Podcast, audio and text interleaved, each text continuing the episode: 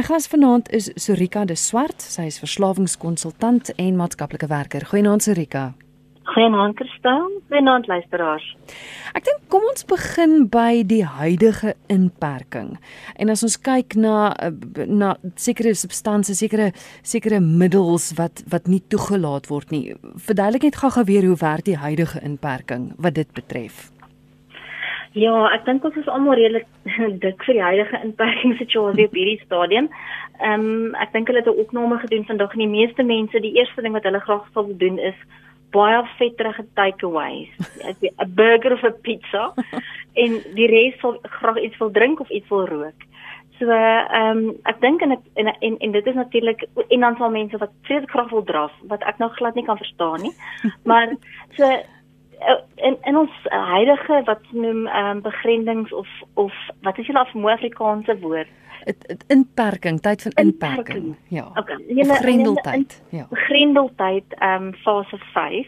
Ehm um, werk dit sodat geen alkohol van enige aard op enige plek verkoop kan word nie en as hulle vir jou vang dat jy dit op 'n manier in die hande kry, dan het jy nou groot moeilikheid selfs met tabak van enige aard. Dit sluit in ook ehm um, die die vape en die e-sigarette en so ensovoorts. En dan ook warm kosse kan nie verkoop word nie. En dan is nou 'n lys van allerlei ander goed wat die meeste mense nou van weet, maar ek dink dis die drie goed wat mense nogal bekommer het. En dan die die ander ding wat mense baie aan verslaaf raak wat mense nie noodwendig uh, so baie van gehoor het op die stadium nie want dit is nog nie so groot probleem nie is daar's nog genoeg medisyne beskikbaar, maar hmm. baie mense wat verslaaf is aan pynmedikasie. Uh het het nou het aan die einde van die die afsluitingstydperk van die die tydperk of dat ek tog nie daai woord neerskryf um rustig. ek gaan anders sê lockdown. Grendeltydperk. Ja. Aan die einde van die grendeltydperk het hulle begin uitgoeters uitraak wat opiate bevat. Met ander woorde pynmiddels wat spesifiek iets bevat met kodiens in onder andere en hulle het ook begin om onttrekkingsmiddels te kry. So dit dit was ons ons grendeltyd fase 5. En dan nou as mens kyk na fase 4, hoe gaan dinge nou verander? In fase 4 is daar 'n paar goed wat ons opgewonde is. Ehm um, ek is opgewonde oor die feit dat iemand vir my miskien 'n pizza gaan kan aflewer of van 'n restaurant af. Ons ons gaan nie kan gaan sit in restaurante nie, maar hulle sal ons kan warm kos aflewer of as jy deur 'n baie baie nice spar stap, 'n super spar, dan gaan daar weer heel waarskynlik, as ek dit reg verstaan, jou warm pastytjies wees en jou etes en so aan. Ehm um, wat warm is wat jy gaan kan koop. So dis dis een van die goeie restaurante en en ehm um, blitskos ehm um, sal weer beskikbaar wees maar net vir aflewering. Hmm. Wat die baie verslaande goed aanbetref soos alkohol en tab en tabak of sigarette. Ehm um, dit ons mense is baie teleurgestel, maar alkohol gaan steeds glad nie. In ehm um, die volgende fase fase 4 gaan dit steeds glad nie beskikbaar wees nie. Nie nie vir aflewering nie, nie jy gaan nog steeds ehm um, jouself in baie groot moeilikheid bevind as jy dit op een of ander onwettige manier probeer in die hande kry. En ek ek sal graag later wil verduidelik hoekom hmm, dit so ja. belangrik is. Maar ehm um, dan sigarette het hulle 'n toegewing begin maak. Jy gaan jou sigarette kan gaan koop en hoofsaaklik sal dit aanmoedig dat jy nie net gaan vir jou een pakkie sigarette nie. Ek dink die gedagte is as jy dan nou gaan gaan om jou sigarette te gaan koop, gaan koop dit wanneer jy jou ander belangrike kos ook koop so sodat 'n mens nog steeds mense nie onnodig in die winkels het net om 'n pakkie sigarette te koop nie. Hmm. Kom ons kyk gou na hoekom. Hoekom is daar in fase 5 besluit dat daar nie gerook mag word nie? Die voorhand liggende ding is rook is nou maar nie goed vir mense. Maak nou nie saak hoe jy dan daarna kyk nie. Ehm um, ook nie of jy vape nie en of jy elektroniese sigaret gebruik nie dit is nie goed vir jou nie want dit die meeste van die goed beskap bevat tog nou maar 'n element van nikotien. Maar die heel belangrikste rede is dat ehm um, ons ons praat van 'n upper respiratory tipe van siekte. Met ander woorde die heel eerste iets wat aangetast word is 'n mens se longe.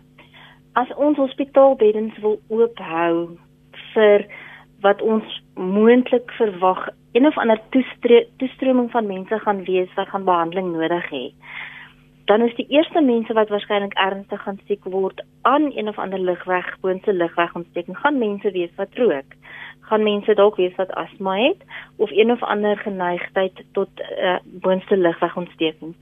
So en en ons weet dat dat selfs na dag 1 of dag 2 wat jy ophou rook, is daar reeds positiewe veranderings in jou liggaam. So daarom daarom is dit steeds en en en was dit belangrik om nie sigarette te verkoop nie. As maatskaplike werker verstaan ek die ander kant van die sta van die saak baie goed. Ehm um, iemand is nie net ewe skielik okay daarmee om nie te kan rook mm. net omdat hulle bang is vir COVID-19 nie. Mm. So nou, die aard van die saak het daar baie daar was onttrekkingssimptome en daar was die die geneigtheid om op die swart mark te wil koop. So van iemand wat nie normaalweg kriminele iets sou doen nie, was mense nou geneig om hulle self te wend tot allerlei tipe van maniere om om hulle verslawing te voed, amper soos iemand wat aan heroïne verslaaf is. Maar dit het, het regtig gegaan oor gesondheid. Hmm. Kom ons kyk gou na van daai onttrekkingssimptome want ek kan aan myself in ek mens wonder partykeer of dit in sommige gevalle nie gevaarliker was om sigarette van iemand weg te vat so dadelik. En kyk, ek dink 'n klomp mense het voorsiening gemaak vir 'n redelike lang tyd van van die grendeltyd. So hulle kon nog tot lank in die grendeltyd rook. Nou die laaste paar weke miskien het hulle dalk gesukkel omdat hulle nie voorraad gehad het nie. Maar wat sou van die hmm. onttrekkingssimptome in gevare wees as jy iemand net skielik na 'n soort van dwing om op te hou rook? Uh, ja, en ek dink sê dit is daar waar daar miskien nie vooraf mooi deur dink is nie en en ek dink nie enigiemand het verwag dat dat die uh, grendeltyd noodwendig verleng gaan word nie. So wat gebeur het is mense het opgestok, hulle geko hulle het gekoop vir 3 vir 3 weke. Maar hulle was by die huis, hulle was verveeld. So hulle het, hulle het baie meer spanning gehad.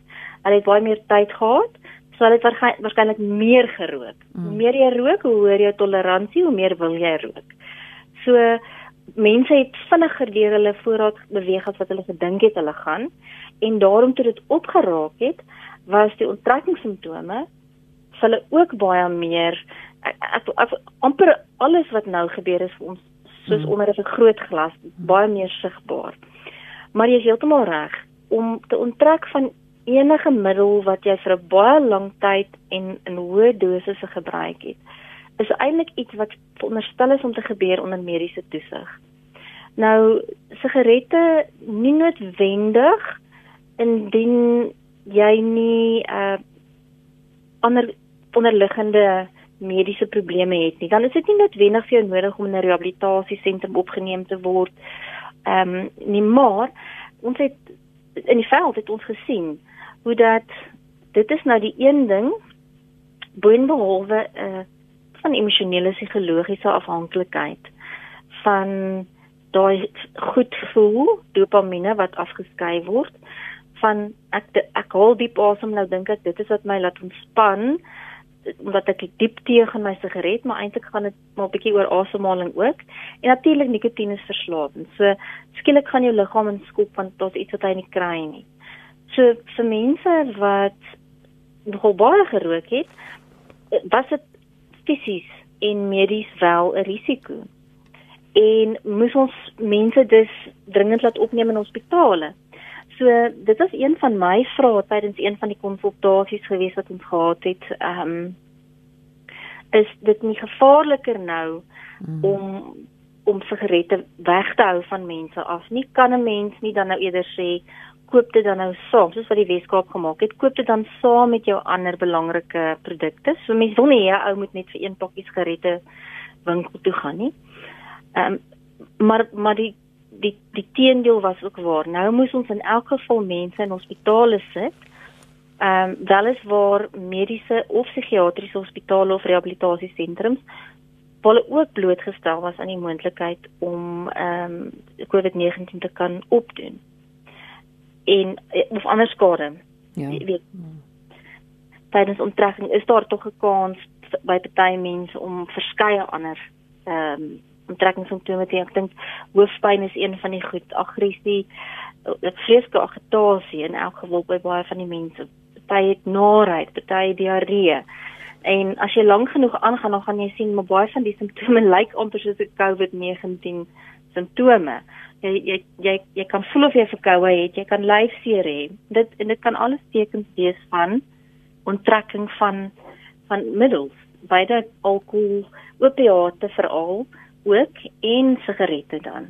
Ja. Kom ons kyk gou na alkohol. Ek dink daar's daar's baie mense wat wonder, die rook maak nog 'n mate sin omdat mens weet dit is 'n respiratoriese siekte, maar hoekom alkohol? Hoekom hoekom is dit verbied in die fase waarin ons tans is, maar ook in die volgende fase ook nog? Goed, ek dink alkohol is dit is nog genoeg. Ek het die heel eerste keer gekyk het na die die ehm um, uitroep van die wetgewing ehm um, het ek nog op myself gedink, kom op die aarde sal hulle nou alkohol wil beheer. En soos wat die tyd aangestap het, het dit mense begin somme maak en jy besef, "Sjoe, okay, ons gaan nou baie geld verloor aan die inkomste wat gegenereer sou geword het deur al die sigarette wat verkoop sou word en al die alkohol wat verkoop sou word." Maar dit het my letterlik 2 dae gevat toe begin ek as maatskaplike werker besef presies hoekom hulle alkohol ehm um, sou verbied.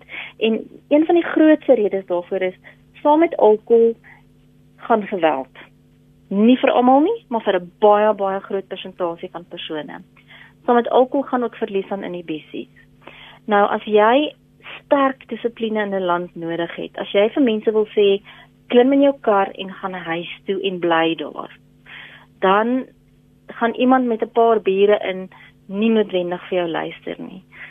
Verder het ons ehm um, dit dis natuurlik ook iets wat mens meer meer ek meen dis jou gesondheid as jy uitermate baie alkohol gebruik is dit natuurlik ook 'n gesondheidsrisiko maar hmm. dit was nie noodwendig ek dink die beweegrede nie.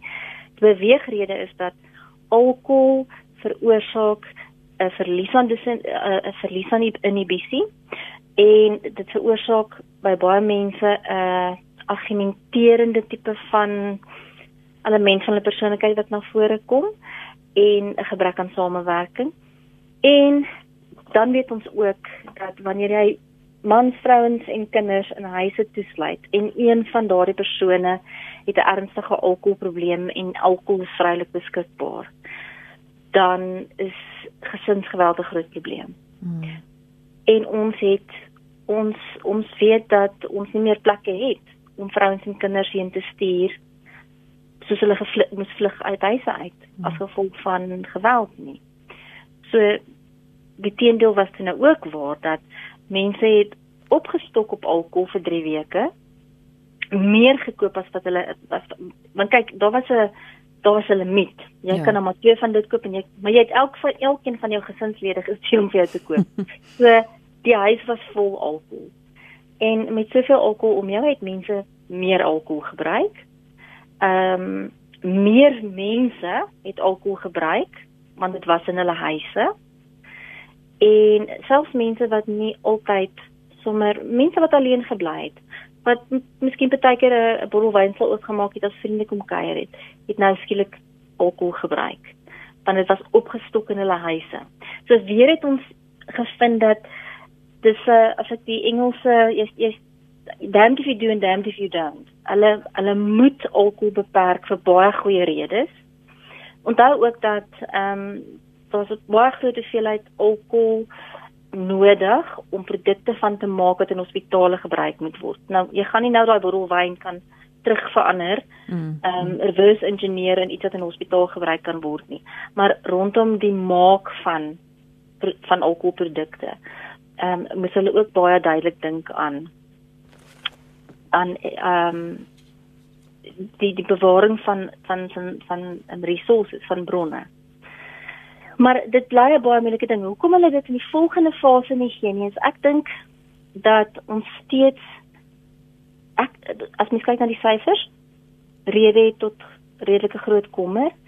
Ek dink die enigste rede hoekom die die grendeltyd gelig word, hoekom die lockdown gelig word, is as gevolg van die ekonomie. Mm -hmm. Ons het ons het nie die die curve geflatten soos wat ons sou wou nie en ons ons as ons kyk na al die statistieke en ons sit al die goeders bymekaar en mense mense mense mens kyk na al die lande en al die patrone in al die lande, dan kan ons verwag dat ons nou 'n baie skielike skerp stygings gaan sien.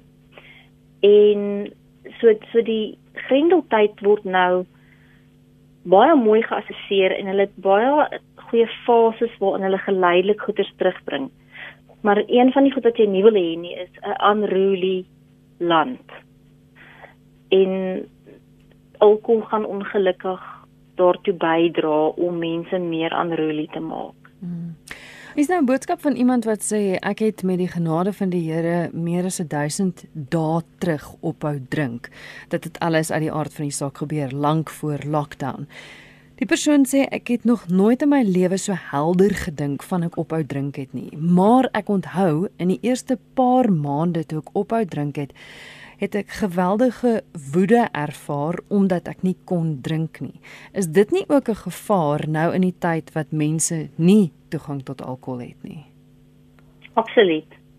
Dit is absoluut 'n gevaar en en ek dink dit is hoekom die verlenging van die lockdown van die grendeltyd mense so onkant gevang het. Hmm daar was nie kans om geleidelik minder alkohol te begin gebruik het. Jou alkohol het gehou en jy het uitgesien na Saterdag en ewe skielik toe kan jy nie meer koop nie. En nou is dit nog langer. So ek dink wat wat ons nou vir mekaar moet sê is ons sit met 'n probleem. Hulle kan alkohol nie sommer net vir meer terugbring nie vir, vir vir baie goeie redes. Wat ons ook weet wat gaan gebeur as die dag as hulle sê alkohol is nou net sommer net weer terug dis beskikbaar wat hulle gaan doen in level level 3 in vlak 3. In vlak 4 is glad nie, geen alkohol beskikbaar nie.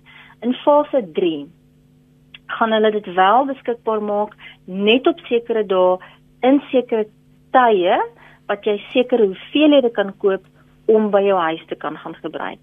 So wat hulle doen is om 'n baie geleidelike terug terugkeer na die gebruik van alkohol.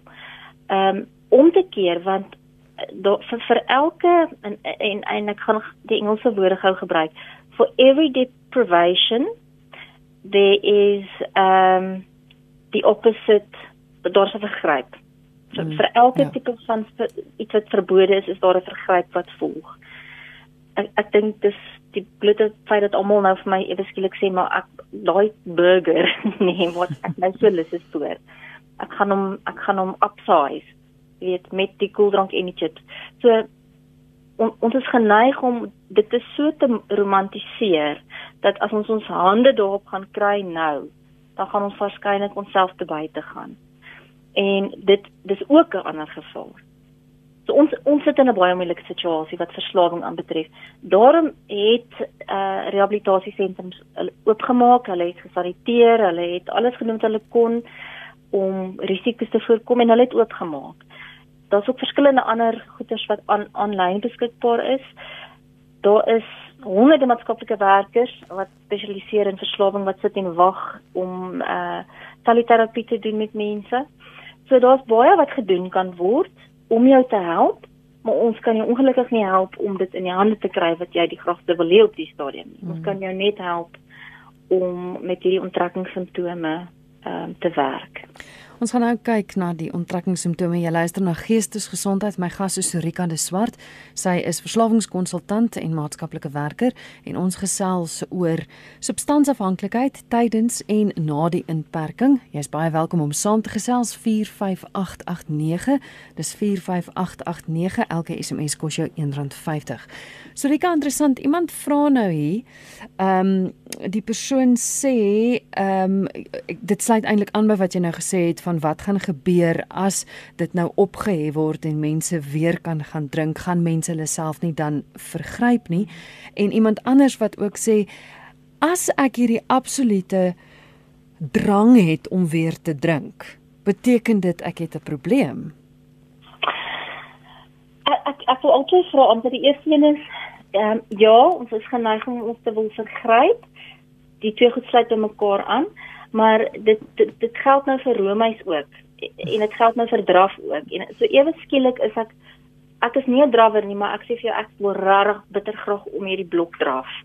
Maak dit my nou ewe skielik 'n atleet? Nee Ehm um, ek is regtig regtig lus vir 'n hele bak roomys, maar ek kan nou nie met winkel toe ry vir 'n bak roomys nie, want ek weet ek stel my lewe en ander mense se lewens in gevaar. So ek moet nou maar wag tot die ander inkopies op is en dan sal ek die roomys nou maar by die res van die goed koop.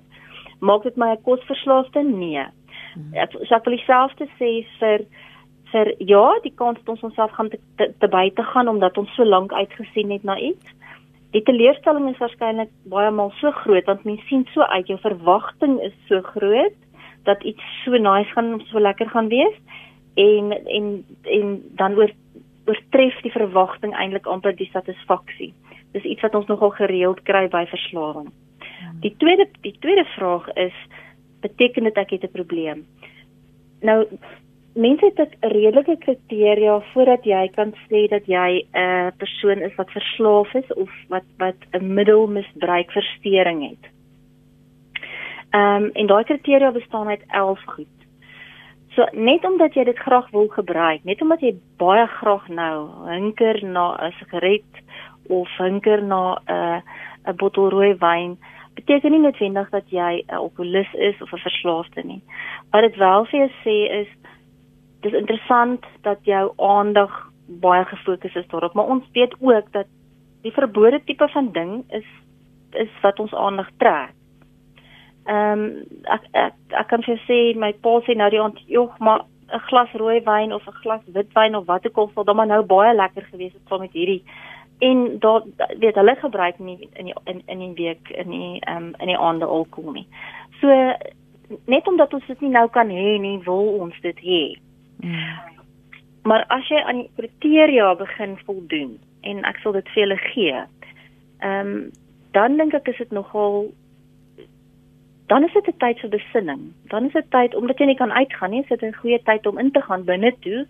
Ehm um, na na jou gedagtes en vir jouself 'n paar vrae te vra oor waarom gebruik ek? Hoeveel gebruik ek? Hoe tree ek hoe tree ek op wanneer ek gebruik? Hoe tree ek op wanneer ek nie gebruik nie? Dit gaan baie meer oor 'n mens se verhouding met die middel as oor presies hoeveel daarvan jy gebruik. Hmm, verstaan. Ek wil gou is nog 'n paar SMS'e wat deurgekom het. Die persoon sê na my man se skielike dood, ehm um, kon ek nie slaap nie en iemand het voorgestel dat ek at atkodol neem. Okay, ja. Ehm um, ek neem nou al vir jare elke aand 2 tablette. Indien ek oorslaan, voel ek regtig sleg en ek kan nie aan die slaap raak nie. Sal ek as 'n middelafhanklike kwalifiseer? Goed, kyk, ek kan nooit enigiemand diagnoseer of 'n uh, ehm um, oor 'n telefoon mm. en en soos ek sê mense moet aan 'n baie spesifieke kriteria ehm um, voldoen. So wat ek vir die persoon graag sou wou sê is die volgende twee goed. Die eerste ding is die middel Adderall bevat wel opiate. Opiate is hoogs verslawend. So wanneer iemand na 'n rehabilitasiesentrum toe gaan en sê, "Hoorie, so ek kan nie sonder hierdie pille mee klaarkom nie." Um, en hierdie medisyne bevat opiate, dan word daai persoon op dieselfde manier ehm um, ontgiftig of medies gehelp om te onttrek van die medikasie as wat ons doen met 'n heroïneverslaafde. Want dit is dieselfde aktiewe bestanddeel. Wat jy in 'n Adderall kry en wat jy in heroïne kry is min of meer dieselfde aktiewe bestanddeel. Dis 'n opioid. So dit is hoogs verslawend. Die feit dat die persoon vir jare al dieselfde hoeveelheid elke aand gebruik, sê vir my dat dat daar nie 'n toleransie opgebou het nie. Ek het nie nou skielik 6 elke aand nodig nie. So dis bemoedigend, nê. Nee. Mm, mm. Maar wanneer jy sleg voel omdat jy dit nie gebruik nie, dan beteken dit ook dis daar's moontlike onttrekkingssimptome. So maar ek ek spekuleer nou op iets wat krities belangrik is rondom iemand anders se gesondheid wat ek nie graag wil doen nie. So wat ek vir die persoon wil sê is om elke aand twee Adderall te drink ehm um, mag of mag nie vir jou as persoon gevaarlik wees nie. Ek dink kry asseblief 'n mediese opinie. Ehm um, kry 'n goeie mediese ondersoek dat hulle kyk hoe lyk al jou organe en of daar nie 'n beter manier is om miskien met die verlies en met die slapeloosheid ehm um, te werk nie, te werk te gaan nie. Goed. Hier's 'n persoon wat sê ek rook die laaste 2 weke rooibos tee en groen tee blare gemeng. Daar is geen um nikotien in nie. Dankie vir die program. Ek luister graag. Uh, dit is 'n persoon uit die Kaap uit. dit is baie interessant. Ek sou baie graag eintlik meer wou weet. Wil weet want dit is ook goeie advies vir vir ander mense wat desperate is op die oomblik. en maar ek dink dis 'n belangrike iets ehm um, gestel dat 'n groot deel van wat saam met alkoholgebruik, medikasie misbruik en en rook byvoorbeeld gaan is die die ritueel Mm. Dis nie noodwendig die middel alleenlik nie, dis die hele ritueel van ehm um, ek steek aan, ek haal asem diep, ek sit op die stoep, ek blaas lekker uit. Ehm um, of ek drink my drankie stadig, want my weet so so ritueel speel 'n baie groot rol. Mm. Hier is iemand wat vra van dagga en heroïne en enige ander substansie. Ons het nou hoofsaaklik gepraat oor sigarette en drank, maar hoe's die ander middels beïnvloed deur die grendeltyd? Want ek meen baie van daai goed word ons in elk geval verkry nie op 'n vreeslike ehm um, jy mag dit nie eintlik gebruik nie, maar maar ja. hoe's dit beïnvloed deur die grendeltyd? Kyk, wat ons weet is dat en en ek het nou so klein bietjie tred verloor met presies wat die wetgewing is vir vir dogga, maar die laaste wat ek verstaan is dat jy 'n spesifieke hoeveelheid mag plant vir jou eie gebruik. So dit is heeltemal moontlik dat 'n paar mense 'n paar plantjies in hulle agtertuin het waarmee hulle 'n tee vir hulle self kan maak. En en en dit dit dit sou dan vir hulle maklik wees om in die hande te kry. Mm. Die die ander middels sal baie moeiliker wees om in die hande te kry vir een rede en een rede alleen. Jy het 'n permit nodig om te kan rondry. En uh kyk ons weet ook deesdae dat ons dwelmhandelaars beperk baie soos om te bel vir 'n pizza. Jy bel hulle en hulle bring vir jou. Jy hoef nie meer na agtersteegie in in te gaan nie. Dis baie soos 'n pizza delivery. Jy bel en jy sê wat jy wil hê en dit word vir jou afgelewer. Maar met die die beperking van beweging op die oomblik gaan dit waarskynlik moeiliker wees vir mense om middels in die hande te kry.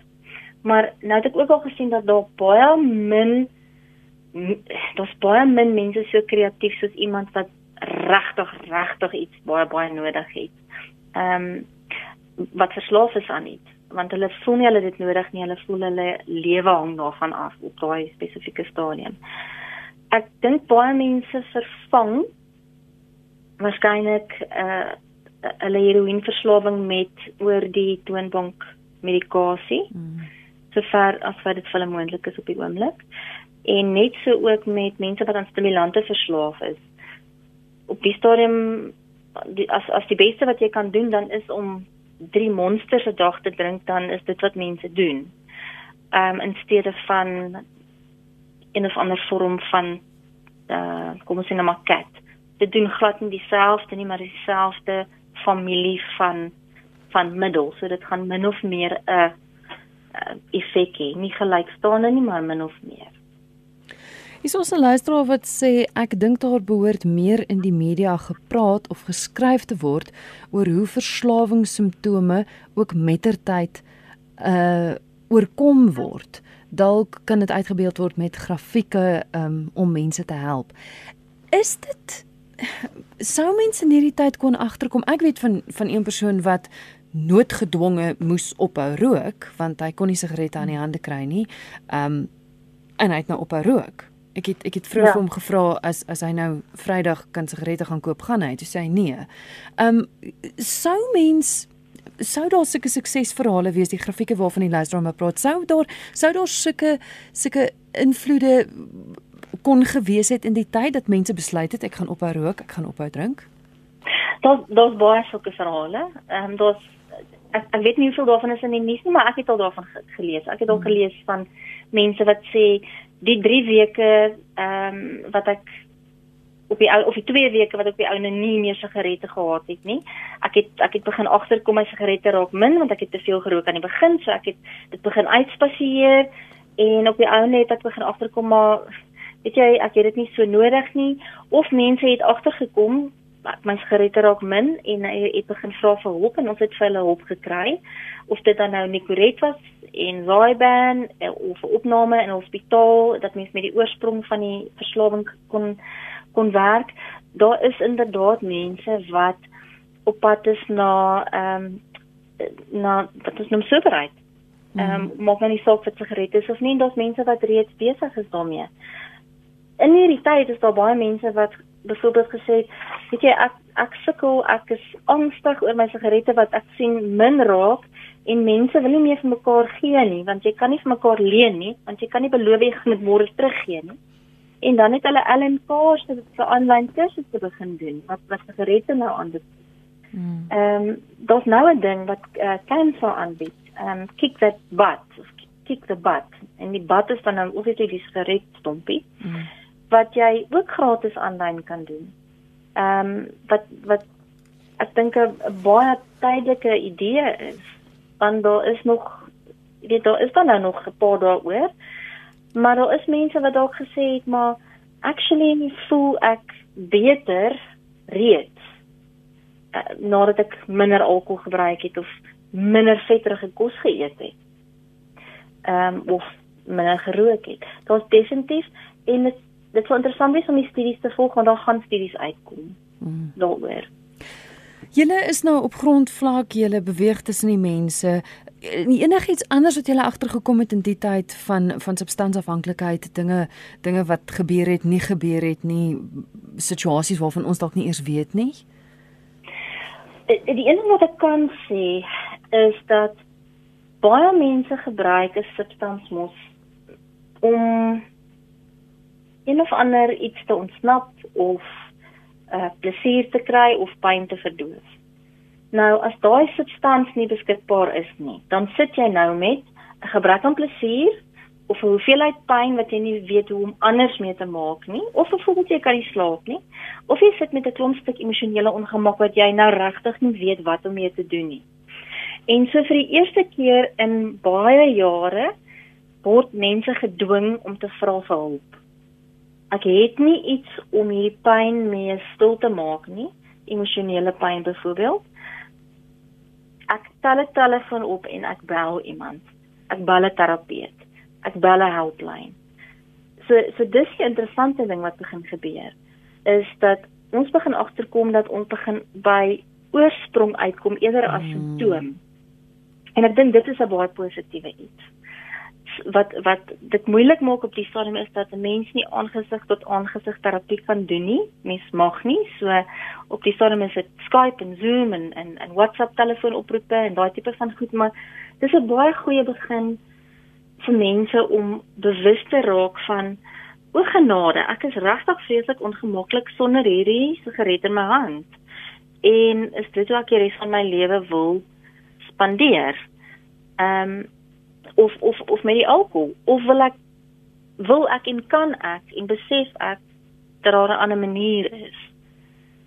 Dit dit is 'n dis 'n interessante verwikkeling. Ja. Die ander ding so. die, die ander ding wat ons ongelukkig sien is dat mense wat alleen bly hulle kry natuurlik baie baie swaar. En mense moet spesiaal uitreik na hulle. Maar hulle is gewoond om alleen te bly. So alhoewel hulle baie swaar kry en baie van hulle al sekere meganismes aangeleer om daarmee te kan saamleef. Terwyl mense wat nou ewe skielik meer as gewoonlik in mekaar se geselskap is uitsonderlik baie konflik het. En ons sien ook uit die studies van ander lande af dat egskeidings geweldig toeneem of ten minste uh tipe van wat hulle sou sê trial separations of uh, mense se verhoudings wat opbreek al is dit dan nou tydelik en en van dit het te doen met die gebrek aan middels. Met ander woorde, uh dit is baie lekker om in die volle huis te wees van Vrydag aande het as jy geïrriteerd van die werk gekom het, het jy net jou bier gaan sit en drink voor die TV. Ehm um, nou is jy by die huis en jy is geïrriteerd en jy het nie jou bier nie en die TV wys dieselfde goed oor en oor en oor. Mm. En nou begin ek en jy mekaar eintlik nou weer leer ken. En ons weet nie baie om vir mekaar te sê nie. So middels het ook eintlik aandag afgetrek van verhoudings probleme, want die middel het die probleem geraak of die middel het die probleem verdoof in 'n ja, verandering. Ja. Daar's twee ander verslawings waarvan ons nog nie eens aan geraak het nie. Hier's 'n persoon wat sê wat van seksverslawing? Want ek weet van 'n dame wat omtrent elke dag uh, saam met iemand anders moet slaap. Hoe hoe word dit beïnvloed? Dit dit is en dit daar's daar daar is regtig 'n paar ander verslawings wat hmm. ook op die stadium voor in vir die dag kom en die een is digitale verslawing, maar die ander een is natuurlik is is seksverslawing. En daar's 'n groot bekommernis daarin dat baie mense is saam met ek, ek ek wil dit net mooi onderskei. Pedofilie en seksverslawing is totaal nie dieselfde hmm. ding. Mm. Ehm um, maar daar is mense wat hulle self bevind in 'n ehm um, toegesluit saam met iemand wat verslaaf is aan seks wat nie nou dit op ander plekke kan gaan vind nie ja. en wat lastig geval word en daar is 'n uh, baie spesifieke organisasie wat hulle noem hulle self grip en hulle is baie bekommerd op hierdie stadium want wat hulle sê is normaalweg grip staan vir Greater Rape Intervention Project en wat hulle sê is dat dat baie maal kyk of mense dit almal aanvaar of nie, maar 'n vrou kan deur haar man verkragt word ongeag die feit dat hulle getroud is. Hmm. Ehm um, en wat baie maal gebeur in 'n huisgesin is dat wanneer een persoon dan nou oor gefrustreerd raak en die ander persoon is nie gereed nie en en die persoon kan nie gaan en gaan doen wat hy normaalweg sou doen om aan sy sy seksverslawing aan ehm um, uiting te gee nie dat die vrou dan die slagoffer word van van die konstante ek wil amper al sê afdwingbaarheid. En volgens hulle op die stadium kry hulle nie aanmeldings nie. Hulle kry altyd aanmeldings, maar nou kry hulle nie aanmeldings nie want nommer 1, die persoon is toegesluit saam met die persoon wat ehm um, wat hulle verkrag of hulle lastig val of hulle tuister. Die tweede ding is mense kan nie bel nie.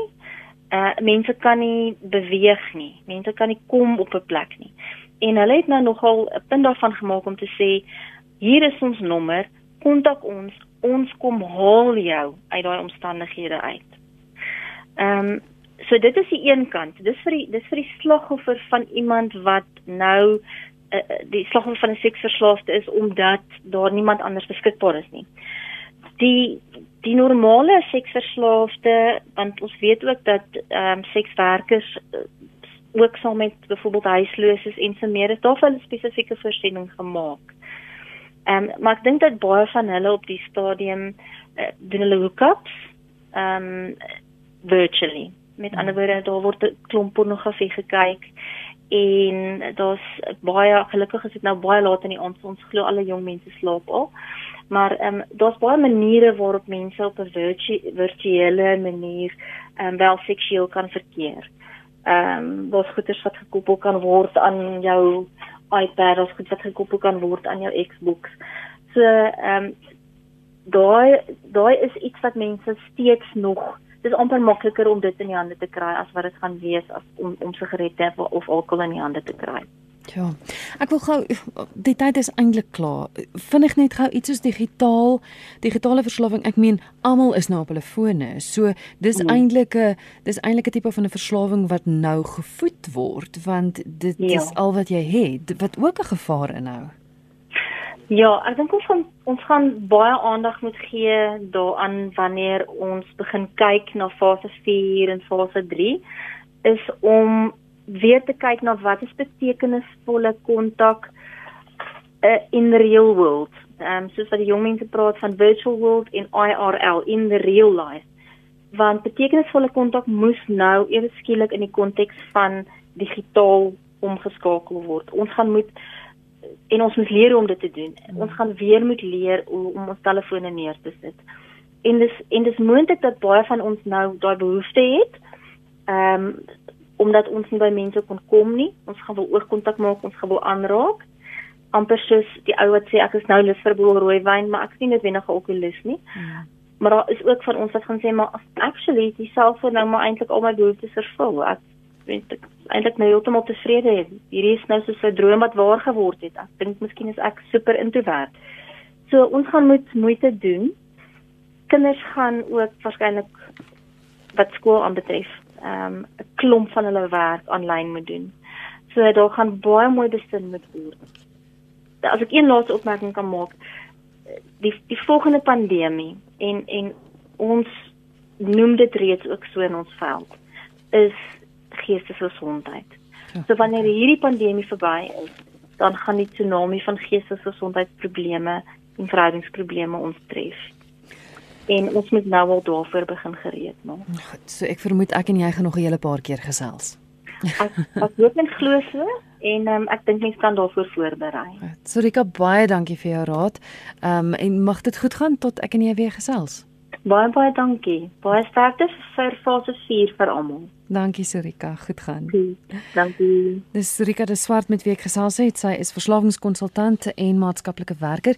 Sy het ook 'n e-posadres, as ek reg is, is dit sorikadeswart.co.za, maar sy is ook op Facebook, so jy kan haar daar gaan soek en ek weet sy post altyd verskriklik baie interessante artikels, eh, jongste navorsing, al daai dinge, so gaan soek haar gerus op Facebook, Sorika de Swart.